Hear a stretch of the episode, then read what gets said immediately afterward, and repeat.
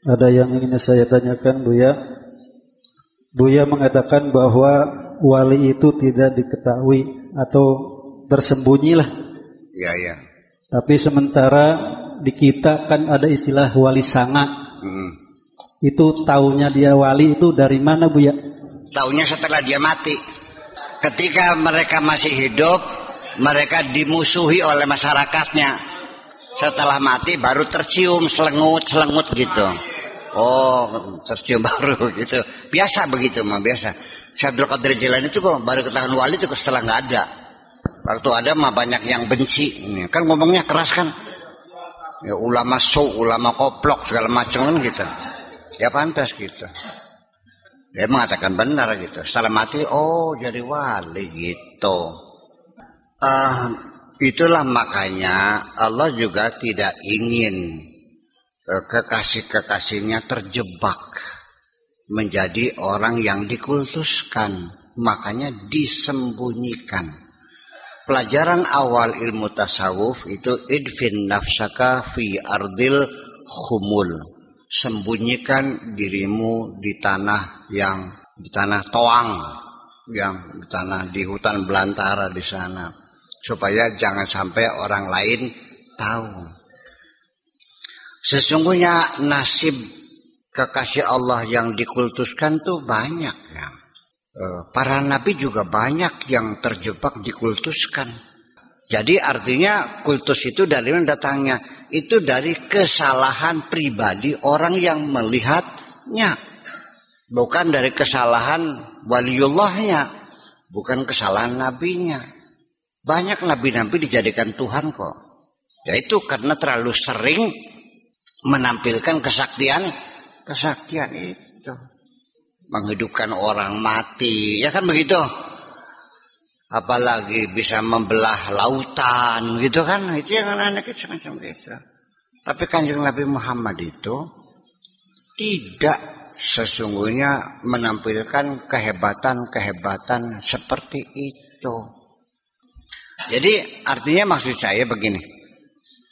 Bahwa kalimat saya mengatakan kalau sudah di tengah lautan jangan tanya mana pinggirnya. Ini isinya mah saya tidak bersedia untuk menjadi mursid Anda. Saya bukan mursid, saya mah pendekatan rasional aja. Paham nggak?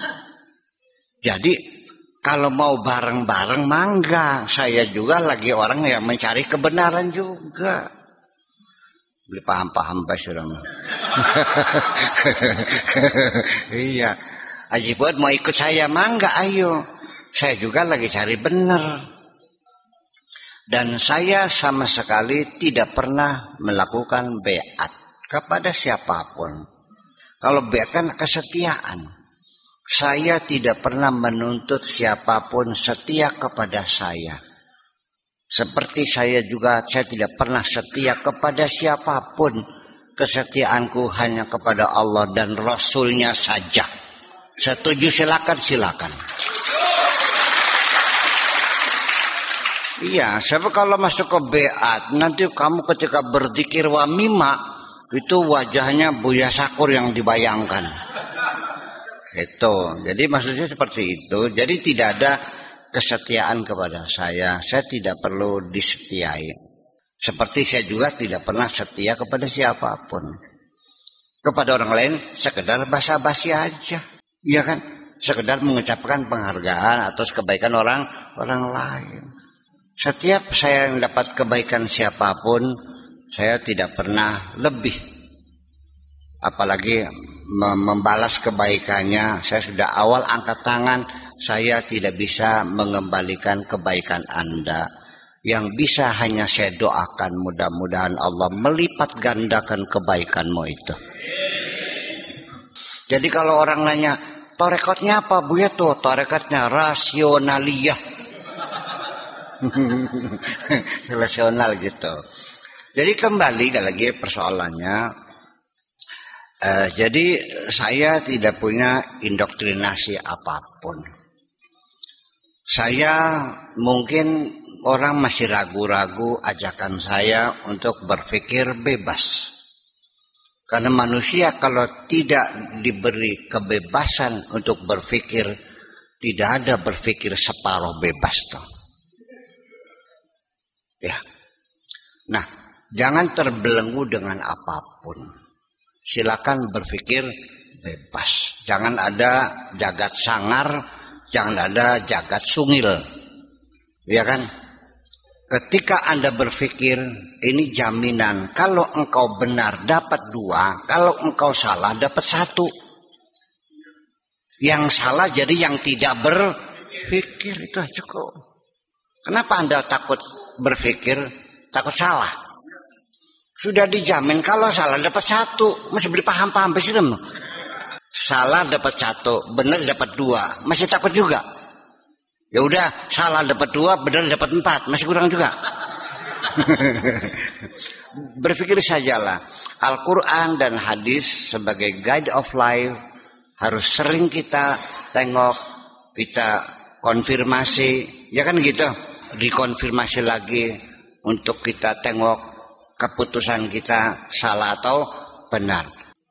Sebab pikiran kita bagaimanapun kebenarannya sifatnya hanya sementara. Tidak mungkin kita akan mencapai kebenaran secara mutlak karena itu adalah milik Allah. Ya, hanya mendekati kebenaran. Itu pun mungkin pada zamannya benar. Apa yang saya katakan mungkin benar, mungkin. Tapi anak cucu saya nanti bisa-bisa diketawain. Ini Bu Yasakul kok mikirnya muter-muter banget sih. Karena mereka lebih canggih dari kita. Ya, seperti saya sekarang memikirkan pendapat orang terdahulu ini gimana sih? Kira-kira kita akan bernasib sama kok. Akan dikoreksi oleh anak cucu kita.